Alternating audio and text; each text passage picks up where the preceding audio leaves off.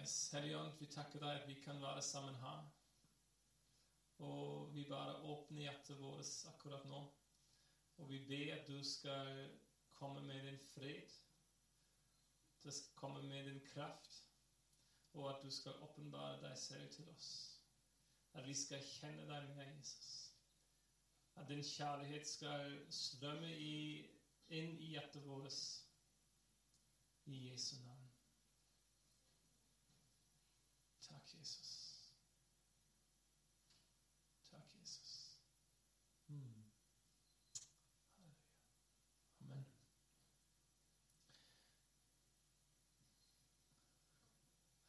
Jeg skal snakke om det åndelige liv. Det er en store begrep.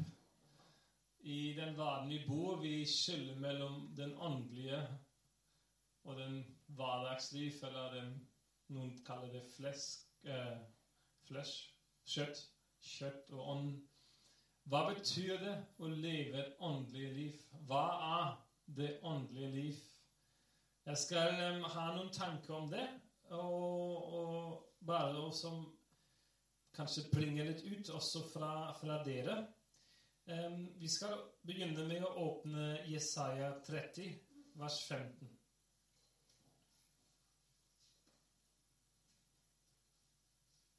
Det er en uh, bok i, gamle, i Gamle testamenten. En fyr som heter Jesaja. Han skrivte det.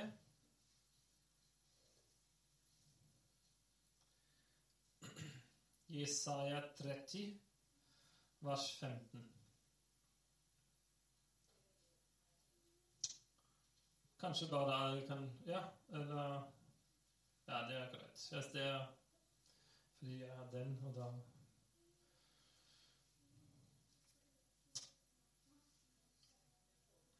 Ja. Dette. Mm. Yes. Kanskje må snu den telefonen rundt.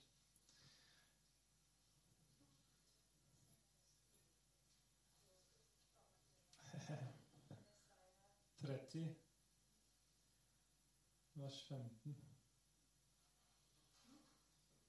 Ja. Så på den norske oversettelse der står 'Hvis dere vender om og holder dere i ro, skal dere bli frelst'.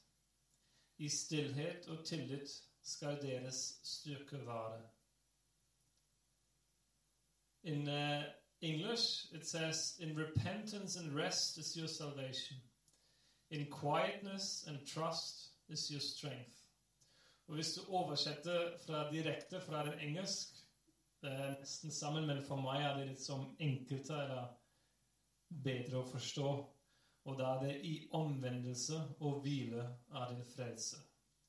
I stillhet og tillit er din styrke. Så jeg syns det er finere, så jeg skal bruke min egen oversettelse fra engelsk. Men det er sammen i, i betydning. I omvendelse og hvile er din frelse. I stillhet og tillit er din styrke. Det var en vers som var på hjertet mitt i hele de siste uker. Jeg tror det er en veldig kraftig sannhet. Og vi skal se litt rundt om det, hva det betyr, og hva vi kan dra ut av den vers. I omvendelse og hvile av din frelse. I stillhet og tillit av din styrke. Hva betyr det, og hva er det åndelige liv? ikke sant? Det er spørsmålet. Hva er det åndelige liv? Og jeg vil fortelle dere en historie om meg. Når jeg var ferdig med skolen, reiste jeg til Afrika, til Ghana, og jeg bodde i Ghana for et år. Og i Ghana er det en helt annerledes kultur, ikke sant?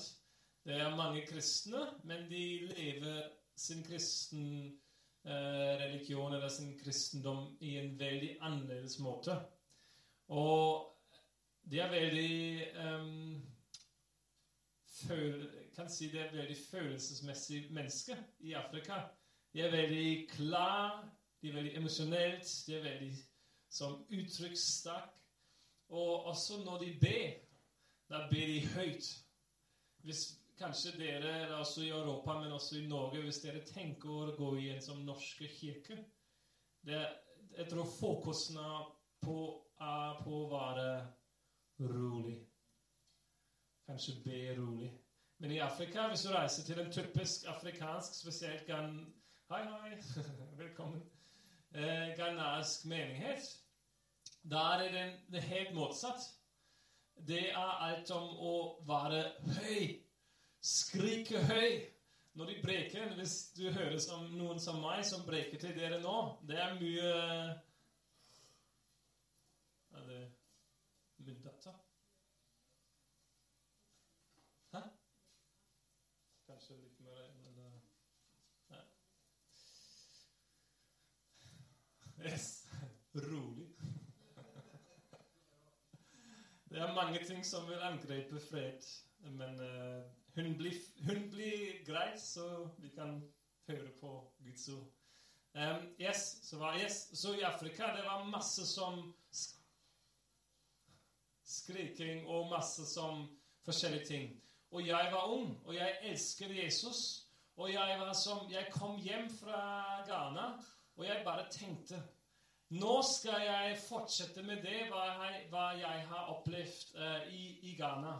Og jeg kom hjem, og jeg ba høyt, og jeg skrikte masse, og jeg gjorde alt disse forskjellige ting. Og det var en situasjon Jeg var med en venn, og vi var i huset av foreldrene mine hvor jeg fortsatt bodde skal bare vente litt.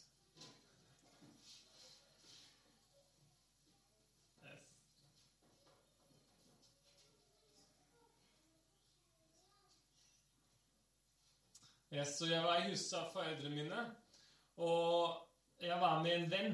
Og foreldrene mine var reist eh, bort for noen dager. Jeg var som jeg har sagt, ferdig med skolen, kanskje 19 år eller sånn, eller 7 år. Og jeg kom hjem fra Ghana den, dette, hvor jeg bodde et år. Og vennen min en, og jeg, vi bare ba i rommet mitt. Og vi som ropte til Gud, og vi, vi, vi var sånn unge fyr som brent for Jesus. Og på samme tid var søsteren min, som også, hun også var hjemme med oss, men hun var, gikk ut for en tid og kom tilbake, men hun klemte nøkkelen. Og for dere som bor i Jakkehaugen, det er som en ting som heter nøkkel, og du låser døra på huset. Det gjør, til, det gjør folk i, i, Tyskland. og hvis du ikke har nøkkel, da kommer du ikke inn i huset. Um, så hun klemte nøkkelen sitt eh, til huset vårt. Og hun, stod, hun var ut, utenfor huset og, brø, og rang den, da, hva heter den dørklokka. Eller, um, jeg ringte på dørklokka hele tida. Prøvde å komme inn, prøvde prøvde å ringe meg på telefon, og vi var bare i rommet. Og ropte til Gud. og hun hørte det fra utsida, fordi vinduet var til gata, og hørte oss som be og rope og, og synge. Og, og hun blir så fornærmet. Hun var så, så jeg, På slutt Jeg vet ikke hva skjedde. Jeg tror hun gikk til nabo Eller ja, Hun kom inn på slutt, eh, men det, tar, det tok litt tid. Men eh, jeg vet noen år eh, etterpå Jeg snakket med, eh, med søsteren min, og hun fortalte meg det var en veldig vanskelig situasjon for henne.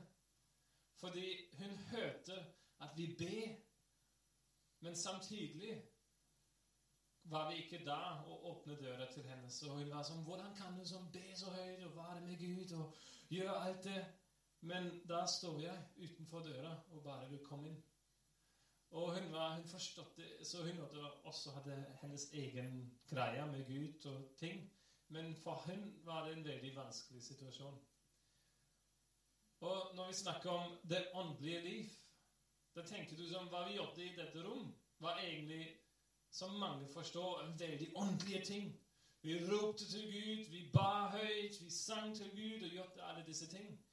Men samtidig hva søsteren min tenkte, var at det var ikke åndelig i det hele tatt. Fordi vi ikke hørte hva som skjedde rundt oss, og vi var ikke der for henne. Og for meg ser jeg etterpå Selvfølgelig var det en god ting, og jeg opplevde noen i Ghana som jeg prøvde å ta inn i livet mitt. Men mer enn det prøvde jeg egentlig å ta noen som jeg opplevde, og prøve å oppholde dem i en helt forskjellig situasjon. Og det var egentlig, egentlig ikke meg. Det var egentlig noen helt annerledes eh, i meg. Og jeg bare prøvde å holde fast på den. Hvis jeg holder fast på den måten de gjør ting, da blir alt greit, og jeg kan leve den samme dro i Tyskland. Jeg prøvde å holde fast på en praktisk ting som jeg kan gripe med mine hender. Og nå skal vi se på en annen historie, men jeg drar sammen. Prinsipp. Hvis vi går i Fjerde Mosebok Det er en Kanskje en historie du har hørt før. Kanskje ikke. Fjerde Mosebok, vers, eh, kapittel 21. Så har Israel, folket, Guds folk, som reiste ut av eh, Egypt, og de reiste gjennom eh, ødemarken. Og prøvde å komme inn i den eh, forlovende land. Promised land. Lovende land. Og på vei var det forskjellige utfordringer de møtet. Også en, ut, eh, en ting som skjedde, at de var utlydige ganske ofte til Gud. Og da sendte Gud slangene og bytte, bytte eh, folk av Israel, og de døde. Og det var en stor problem, fordi masse da døde av de slangebitte. Og da leser vi i vers 6. Da sendte Herren Serafs slange inn blant folket. De bedt israelittene, og mange av dem døde. Folket kom til Mose og sa, vi syndet da vi tok det til orde mot Herren og mot deg. Be Herren at han må ta slangene bort fra oss. Og Moses ba for folket. Da sa Herren til ham, La deg, lag deg en serafslange og sett den på en stange.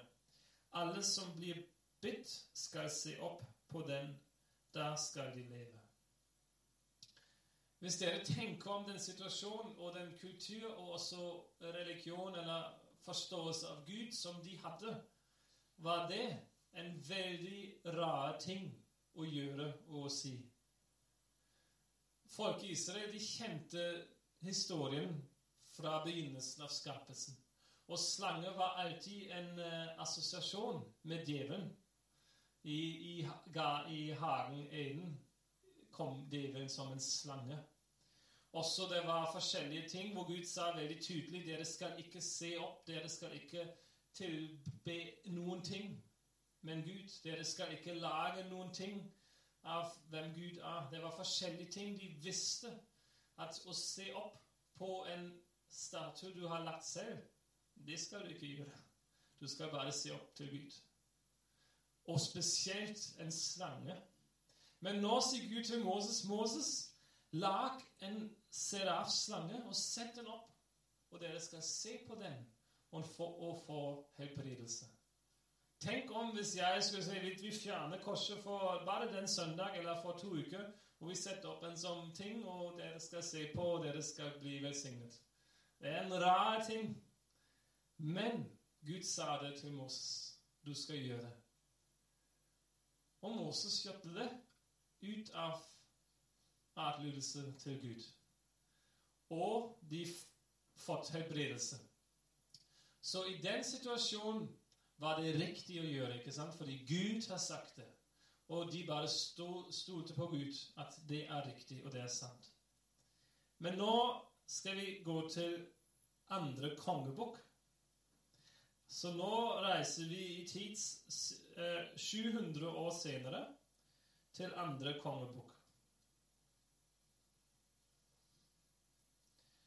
Så Moses døde Og de kom til den lovende land, og forskjellige konger kom inn og gikk ut. Og 700 år senere leser vi om en kong som heter Hiskia.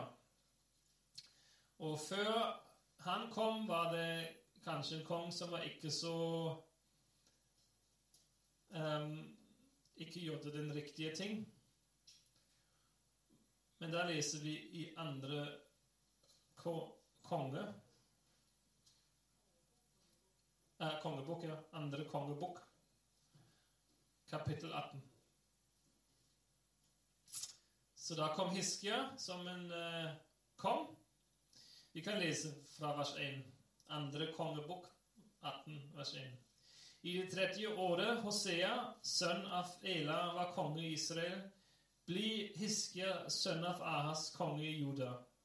Han var 25 år gammel da han ble konge, og han regjerte Jerusalem i 29 år. Hans mor het Abi og var datteren av Zakaria. Hiskia gjorde det som var rett i Herrens øyne, i ett og alt slik hans stamfar David hadde gjort. Han nedla offerhaugene, så nå skal vi fokusere på det. Han nedla offerhaugene, slo i stykker steinstøttene og hogg ned Aseria-stolpene. Kopperslangen som Moses hadde lagt, knuste han. Helt til den tid hadde israelittene tent offerild til slangen. Så hva, hva skjedde her?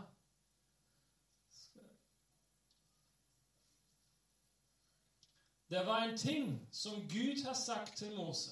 Gjør noen som er litt rart, men jeg vil mer at du adlyder meg, enn at du skal Jeg vil mer at du adlyder meg, enn at du skal tenke hva du gjør. Å, det er riktig. Nei, Gud har sagt det, så gjør det. Og da var det riktig. Nå, 700 år senere, kom det, den ting som blir helbredelse og en møte med Gud. Høy. Jeg vil til, jeg vil til vise noe. Yes. Der. Der kom den ting som Gud brukte for gjennombrytelse å bli til feil til Israel. Og det var vise. Regler uten relasjon kommer å bli avgudsdyrkelse. Så Moses fått noen som en regel. Gjør det og det. Det er en regel, ikke sant? Og da skjer det. Lag en serafinslange, se på den, og da kommer det å, bli, å skje. Og det var ut av relasjon. Moses kjente Gud. Han kjente, han kjente hans røst, hans, hvordan han høres ut. Og folk i Israel var sånn Wow! Vi ble helbredet. helbredet. Det var en gjennombrytelse. Og for 700 år Kanskje noen gang mer og noen gang mindre, det vet vi ikke. Men han, her står det de, han, her står det Helt til den tid hadde israelittene tent offeret til slangene. For 700 år kom den ting som kom fra Gud egentlig, og bli en ting som driver folk av Israel i avgudsdyrkelse. Regler uten relasjon blir avgudsdyrkelse. Og for meg var det som Wow. Har noen Gud prøver å si Kanskje vi kan si ja, ok, det var det. Men hvordan ser det ut i vårt liv? Hvor gjør vi ting som kanskje en gang var riktig for deg, eller for foreldrene dine, eller for nasjonen din, og du bare prøver å gjøre det samme ting fordi du prøver å holde deg tett til Gud. Men egentlig kommer du å bruke en ting som Gud brukte, utenfor relasjon. Og det blir mer avgudsdyrkelse enn adlydelse. Jeg tror det skjer veldig, veldig enkelt.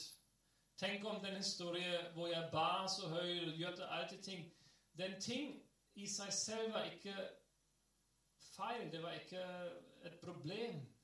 Men jeg bare gjorde det fordi jeg tenkte ja, jeg gjorde det et år i Ghana. De gjorde det. Og så skal jeg be som det. Så skal jeg skrike høyt. Så skal jeg bare gjøre det som blir den kraftige, powerful young man.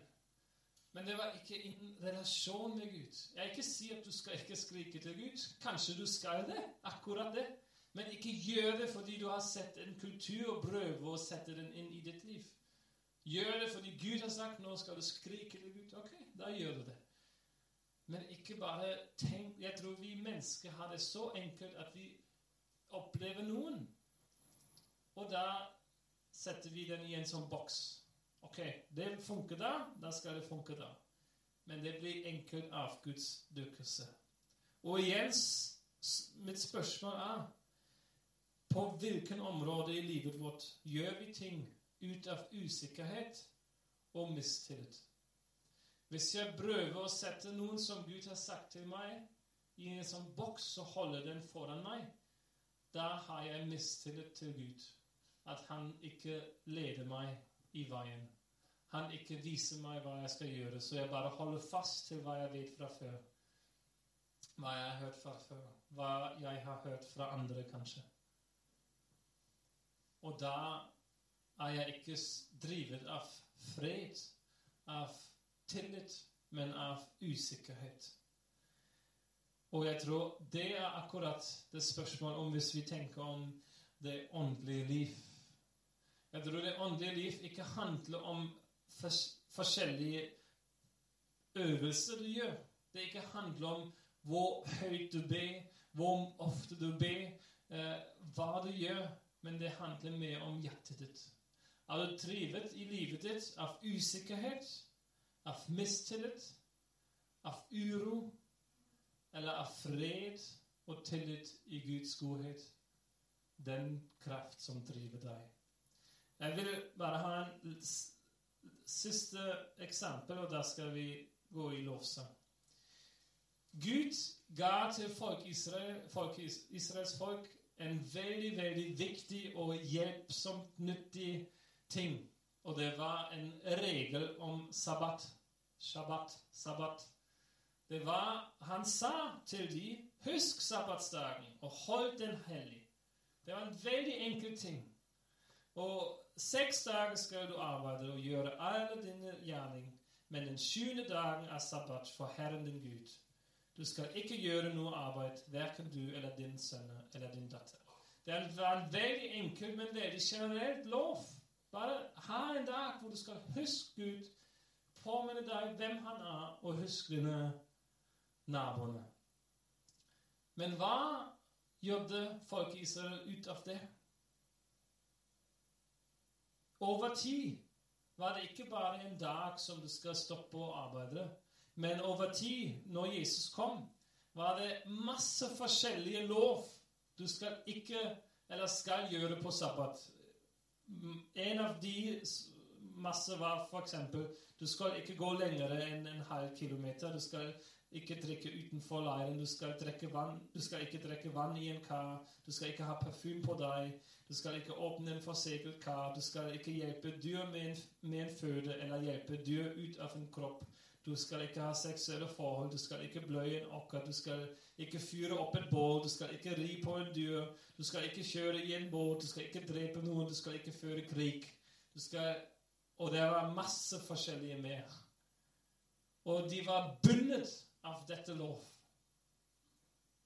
Men Gud egentlig sa bare ha en dag hvor dere skal ro ned. Hvor dere skal ikke sette dine tankene på arbeid. Men hva gjorde de? Vi må sette den i en boks, ok? Hva betyr det? Hva betyr det hva Gud har sagt? Ok, Så vi alle har den samme forståelse. Skal vi sette masse forskjellige lov? Og da kan vi gå rundt og si 'Å, du rir på en dyr.' 'Å, du gjør det.' Ok, du er utenfor reglene. Du du er ikke med oss. Ok, du gjør det. Og vi kan klassifisere mennesker. Vi kan se har vi det bra. Gjør, gjør vi det riktige ting, eller ikke? Men hvis jeg bare sier ha en sabbat. Ha en dag hvor du skal roe deg ned. Og neste søndag skal vi komme sammen, og du sier ja. Ja, jeg ryddet huset mitt litt og hadde en kjempefin tid med familien og, Ja, ok, Var det nå innenfor eller utenfor? ikke sant? Det er vanskelig å si, fordi vi har ikke noen regler hvordan det ser ut. Men det er bare en prinsipp at du skal ha en dag hvor du skal huske ut, stoppe arbeidet og huske andre. Men vi mennesker liker det ikke. Vi liker å sette som du er innenfor, du er utenfor. Du er innenfor, du er utenfor. Og derfor setter vi så masse forskjellige regler.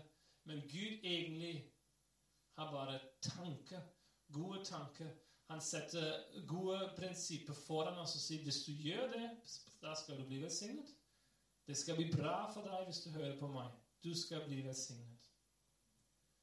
Og nå sier du ja, ja. Da er vi lengst over. Det er religiøsitet. Vi er ikke i som regler Vi ikke følger bare regler. Det er religiøsitet. Vi er lengst over det.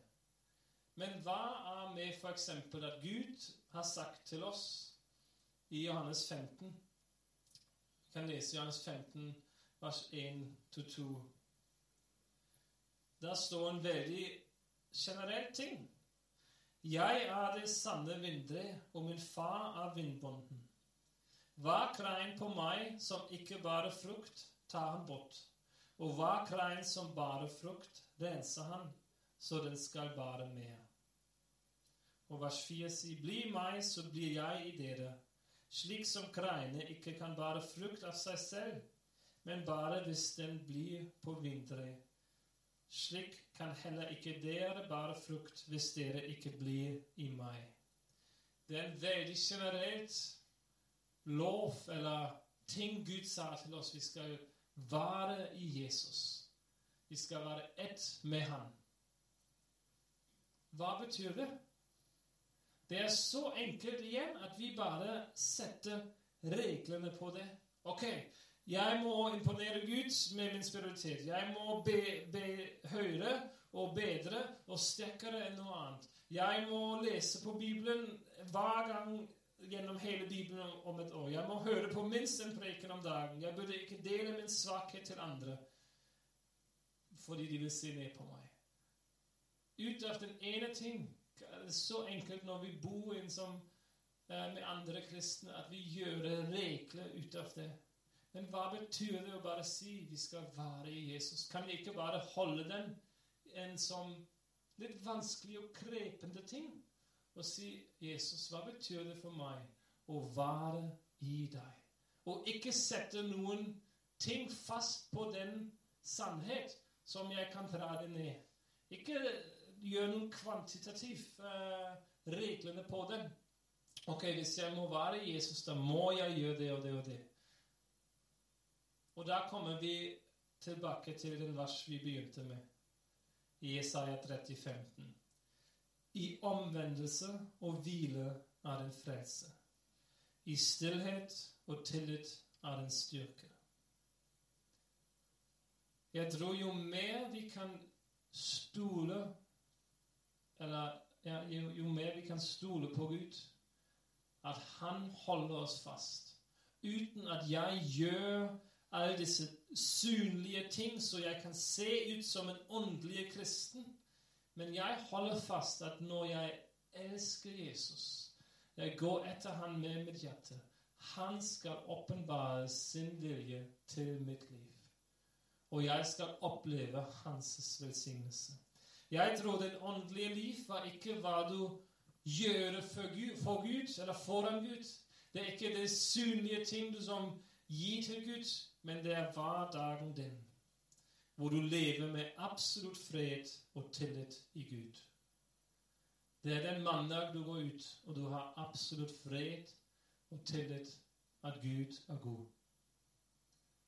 Det er det åndelige liv. Det åndelige liv er hvor fred ikke kommer fordi du har oppnådd noen, noe, eller opplevd noe mektig men fordi du bare kjenner Gud. Hvis fred kommer, eller hvis glede kommer fordi jeg har oppnådd, har oppnådd et chief, right? Oppnådd, eller achieved.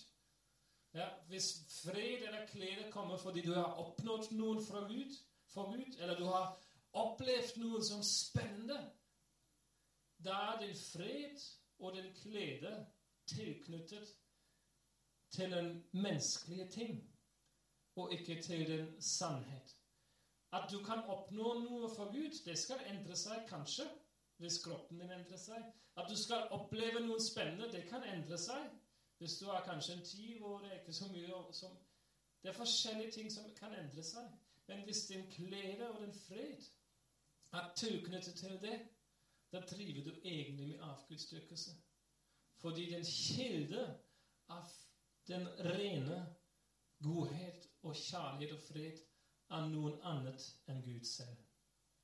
Men hvis jeg våkner opp i morgen, og jeg har fred i meg Jeg har ikke oppnådd noen enda. Jeg har ikke opplevd noen enda. Men jeg våkner opp, og jeg sier, Gud, takk. Takk at du er her. Før jeg har gjort noen ting. Da er min kilde av liv og fred i Gud selv, og ikke i hva han gjør. Ser dere den? Det er så enkelt å drive med avgudsdyrkelse. Kan, jeg kan komme hjem fra jobb og gå til dem og si jeg har, helbred, jeg har bedt for noen, og han blir helbredet. og som, alle disse ting. Det er bra å gjøre ikke si ikke gjør det, men hvis jeg før jeg reiste ut, var som veldig deprimert og kom til henne og opplevde det, og nå er jeg klar det er, det er kjempebra at jeg er klar nå, men jeg skulle ha vært klar før. Fordi min fred ikke er avhengig av hva jeg oppnår eller opplever. I omvendelse og hvile er det frelse. I stillhet og tillit er det styrke. Det er fire ord. Omvendelse. Det begynner med omvendelse. Og hvile. Omvendelse ikke gjør deg å gjøre mer ting. Omvendelse Du vender deg om fra den stressfull fra den fulle liv med forskjellige løfter. Bare gjør det og det, og da skal du bli klar. Du vender deg om til korset, hvor Jesus sier, 'Jeg har gjort alt'. Og fra omvendelse beveger du deg i hvile. Nå må jeg ikke prøve å være suksessfull. Nå må jeg ikke prøve å um, please everyone. Uh, yes. Nå må jeg ikke prøve, men jeg kan hvile. Omvendelse, hvile. Og hva kommer da å skje? Frelse. Frelse er en resultat ikke av hva du oppnår og hva du opplever, men om din, en resultat av din omvendelse og hvile. Da kommer frelse. Vi er frelst. Tenk på det. Og ut av det, i stillhet og tillit, er en styrke. Fordi vi har opplevd frelse, da kan vi være stille, og da kan vi tillit Gud at han er hvem han har sagt han er. Og da kommer styrke. Og det jeg tror er hvor vi alle vil leve. Vi vil leve i frelse, og vi vil leve i styrke. Men spørsmålet er praktiserer vi omvendelse, eller praktiserer vi stolthet? Praktiserer vi hvile, eller praktiserer vi uro? Praktiserer vi stillhet, eller praktiserer vi bråk? Praktiserer vi tillit, eller praktiserer vi kontroll? Hvis vi vil ha frelse og styrke, må vi komme vekk fra å sette en slange som Gud har sagt vi skal se på, til den kilde av gjennombruddelse. og se på den som har sagt hva vi skal gjøre på en tid, til en kilde av gjennombruddelse. og det er Jesus selv. I engelsk da sier du en ting som Det går bedre i engelsk. You say 'stop striving and start thriving'. På norsk er det kanskje 'slutt å streve og begynn å trive'. Tre, hæ?